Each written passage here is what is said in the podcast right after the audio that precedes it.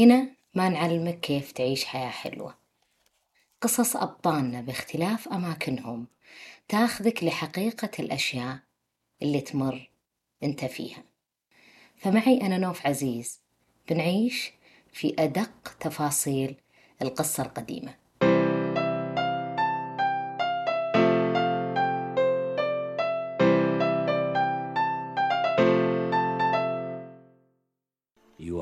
concerned with what was and what will be.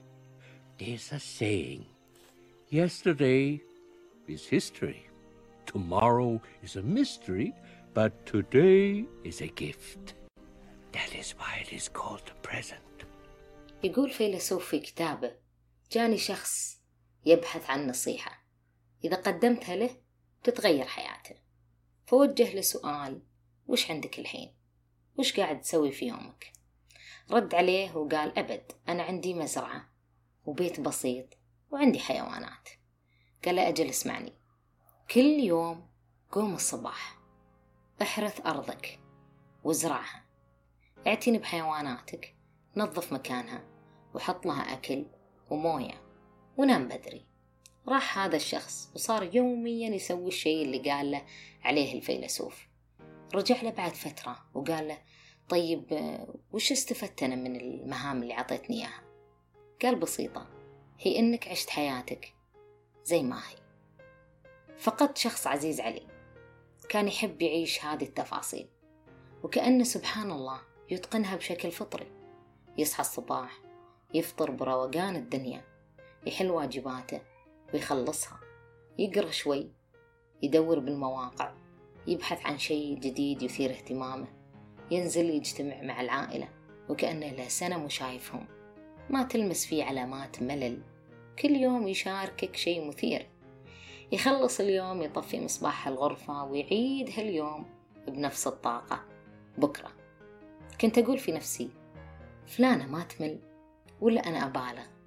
ما كنت أعرف السبب ولا حاولت وقتها أني أعرف عشان أكون معاكم صريحة.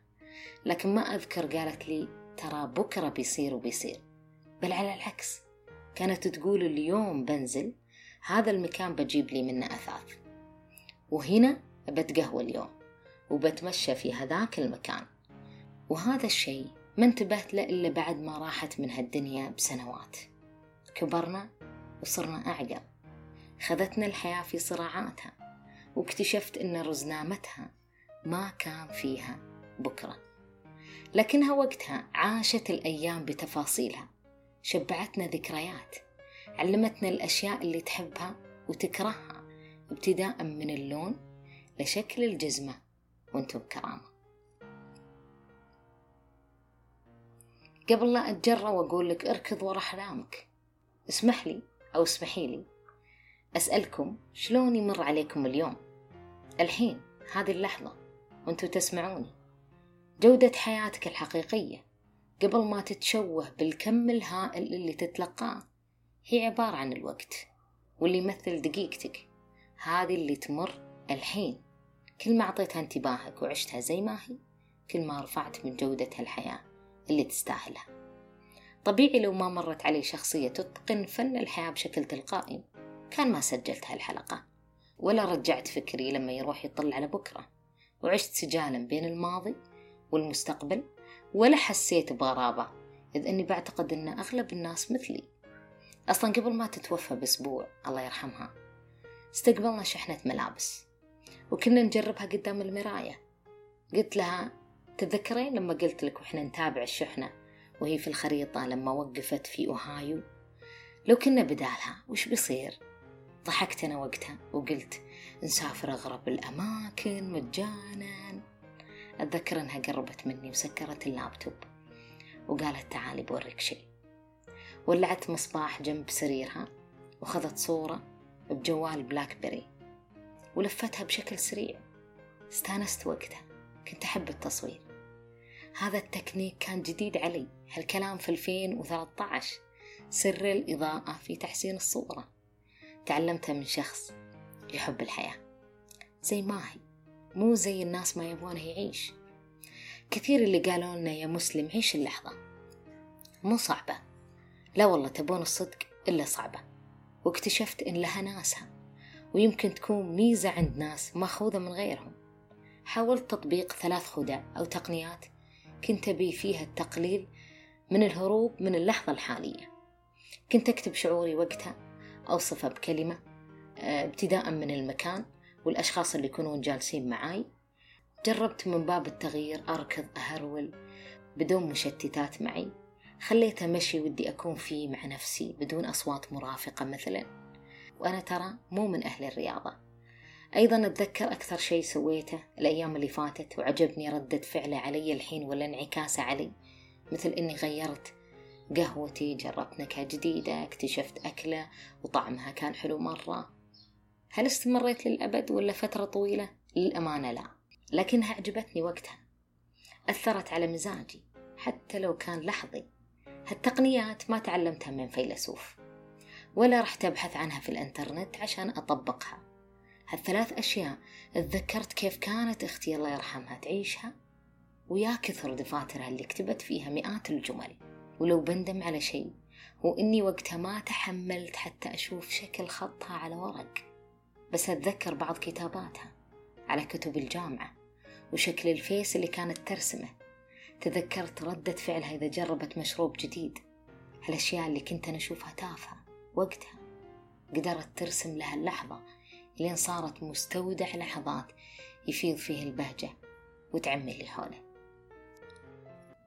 وهالمرة بنرجع لزمن قديم جدا لكن من الموسيقى تعرفون مرجع القصة. إيميلي فتاة عاشت في بريطانيا. قبل لا تدك الحرب العالمية الثانية العالم كانت الأجواء غريبة بعض الشيء. لازال العالم يحاول يستوعب صدمة الحرب اللي هي الحرب الأولى ويتعافى من آثارها. تزوجت وأنجبت ولدين ما التحقوا بالجيش لأنهم كانوا وقتها صغار سن. فكانت ساكنة في زقاق فقير مع أبنائها يتشاركون مع الجيران الأكل والمؤونة حتى العلاج. بعضهم كان يموت من الحمى. تخيلوا يموت من الحمى البسيطة الحين. لأن ما كان عندهم متوفر علاج وكان العلاج تكلفته عالية. جاءت سيرة المناجم واللي كانت الثروة العظيمة اللي يعتمد عليها أغلب السكان أو بعد أغلب المدن. فقدت إيميلي زوجها في حادث غريب. سقط من مكان مرتفع وهو ينقب على الفحم ومات. في يوم من الأيام جاها ولدها الكبير وقال ملينا من ذا الحياة. أبي أروح أنا مع مجموعة الرجال اللي يروحون ينقبون على الفحم. بحاول إني أجيب فحم وأبيعه بالسوق. أعطي الشركة حصتها وبكذا يصير عندي بعض شلنات. اللي توسع علينا الرزق ونقدر ناكل لو لحم مرة بالسنة. لأنهم كانوا يعتمدون على الأكل المعلب عشان سعره رخيص ولأنه ما يحتاج طهو وما ياخذ وقت. حاول يقنعها ويقنع أخوه اللي أصغر منه. رضت الأم ورضى أخوه إنه يطلع معه عشان يقدرون يستخرجون أكبر عدد من الفحم. ودعوا أمهم وراحوا ومن المعتاد أن هذا النوع من الرحلات يستغرق وقت طويل. استمرت إيميلي في غياب أولادها على مهنتها الأساسية اللي هي الخياطة. تصلح بعض القطع اللي تلقاها هنا وهناك وتبيعها على الناس. وأبنائها كانوا يجتهدون وسط حرارة المناجم ويحصلون على شيء بسيط من الشركة ومقابل أيضا أكل سيء. كانت هي مستمرة في عملها اليومي. صار هذا الزقاق يعرف إيميلي. إذا خرب شيء من ملابسهم هي تصلحه. وأيضا كانت تخيط لهم الجزم وانتو بكرامة. رجعوا أبنائها وهم معاهم شوية شلنات. لكن لقساوة الحياة ما استطاعوا تحسين ظروفهم بل على العكس. مرض أخوهم بشكل مفاجئ واضطروا يصرفون هذا المال في علاجه. وكانت هذه من آثار العمل في المناجم وقتها. يتعرض أغلب العمال لأمراض صدرية مميتة بس من حسن حظ إيميلي إن ابنها تماثل للشفاء. وهم جالسين على الباب الخلفي المطل على زقاقهم الضيق اللي يوصلهم بأغلب الجيران. سألها ابنها سؤال كان يدور في ذهنه من فترة وهو يشوف والدته تواصل العمل بنفس طيبة. بل إنها كانت أحيانا تصلح نعل الأطفال بدون مقابل. ما عمرك يوم ما فكرتي وانتي تقومين بهذا العمل الروتيني اللي مردوده بسيط جدا؟ في بكرة؟ كيف بيكون حالنا؟ وحالك؟ لو ما قدرنا نسدد قيمة السكن لو ما قدرنا ناكل لقمة فردت عليه أمة وهي تناظر قطعة القماش اللي كانت بين يدينها أنا هذا اللي عندي اليوم. هذا اللي عندي أسويه وهو اللي شاغل بالي. ودخلت البيت وتركته يفكر في كلامها. اللي ما نقدر أغلبنا نسويه هو إننا نصير مثل إيميلي. لكن ما سألنا أنفسنا ليه؟ ليه صعب علينا ما نروح لبكرة بتفكيرنا؟ ليه تونا راجعين من أمس نفكر فيه؟ وهذا حالنا بالأغلب. حتى لو حاولنا إبعاد الأفكار بطريقة أو ما نفشل باستمرار في تحقيق هالمعادلة. الأمر سهل جدا وبسيط. ما الذي يجعلنا نشعر بجماليات الأشياء بعد انقضائها؟ أكثر من استشعارها أثناء اللحظة وفي زمانها ومكانها. هذا السؤال اللي بنجاوب عليه هو اللي بيخلينا نعرف ليش دايما نروح بين الأمس وبكرة. الذاكرة مو شريط فيديو يسجل ما جرى بدقة وعندنا نوعين من الناس فيه اللي يتذكر ماضي على إنه جميل وما تشوبه شائبة وفيه اللي يرى أنه لما يسترجع الماضي يحس بألم ومعاناة. وأثناء هذه العملية نطيح بأربعة أخطاء للأسف. هو أن ننتقل إيجابيات ونتجاهل السلبيات. ونقع في التعميم.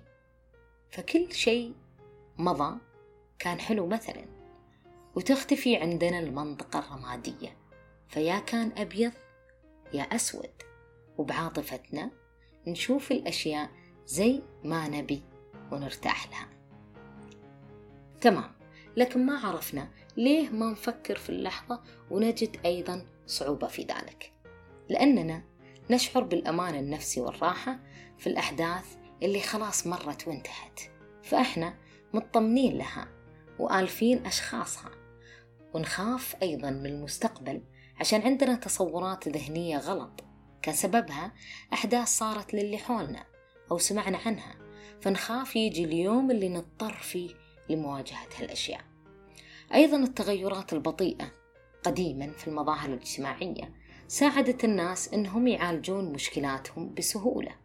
مقارنة بعصرنا الحالي اللي تغيراته صارت سريعة فنجم عنها تفشي ظاهرة الاغتراب النفسي وعدم التكيف. تلقونا نشتاق ونحن لأماكن ما زرناها ومشاعر ما عشناها. شفناها في فيلم ولا أغنية ولا قريناها برواية طويلة جسدت آمالنا وأحلامنا. الشيء الحلو إنه ترى طبيعي. ترجع للماضي هذا أمر طبيعي. وتفكر في بكرة أيضا. هي من آليات الدفاع اللي يستخدمها العقل عشان يحسن من حالتك النفسية ومزاجك. خاصة لما تواجه نوع من مشكلات التكيف. وهي أيضا ترى مهمة للصحة العقلية وأسلوب ناجح لمحاربة الاكتئاب الوقتي ويعزز من ثقتك ونضجك الاجتماعي. يعني زي ما قلنا قبل اللحظة الحالية لها ناسها متمثلة بأسلوب حياة أختي الله يرحمها.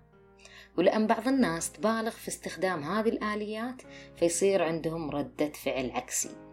يصير أسلوب حياتهم كله عائد للماضي بتفاصيله فيواجهون عجز في اتخاذ القرارات الصحيحة. كل ما واجهتهم تحديات ويفقدون تماما العيش في اللحظة. معالجة هذا الشيء بالتقليل منه مو بأنه يختفي تماما لأنه مفيد. هذه باكورة الإنسان اللي انطلق منها اللي هو الماضي وهي مخزن تجاربه. كيف ينساها ويتجاهلها؟ وهذاك المكان اللي وده يصير فيه أصلا هو اللي يحفزه عشان يكمل عمله لبكرة. في اعتقادي هالأشياء كلها مهمة وتصنيفها ورؤيتها عائد للشخص نفسه مش المنهج أو مبدأ. أنت إنسان مو آلة تتبرمج ويتم تعديلها بشكل سريع وقطعي. وحالاتك هو تعقيدك واختلافك عن غيرك. الناس مثل قطعة البازل ما تشبه بعضها. لا تصير مثلي. تحاول دايم تعدل في شيء قد يكون مفيد لو حاولت. ما تبالغ في استخدامه. إلى هنا حلقتنا تكون انتهت. نرجو إنها تكون نالت على إعجابكم. مشاركتك للحلقة مع مين يعز عليك تهمنا. وتساعدنا نوصل صوتنا لعدد أكبر. تقييمك لنا في أبل بودكاست دليل على اهتمامك. فلا تحرمونا أصدقائنا الدائمين من تفاعلكم. إلى أن نلقاكم بود كونوا بخير دائما. فمان الله.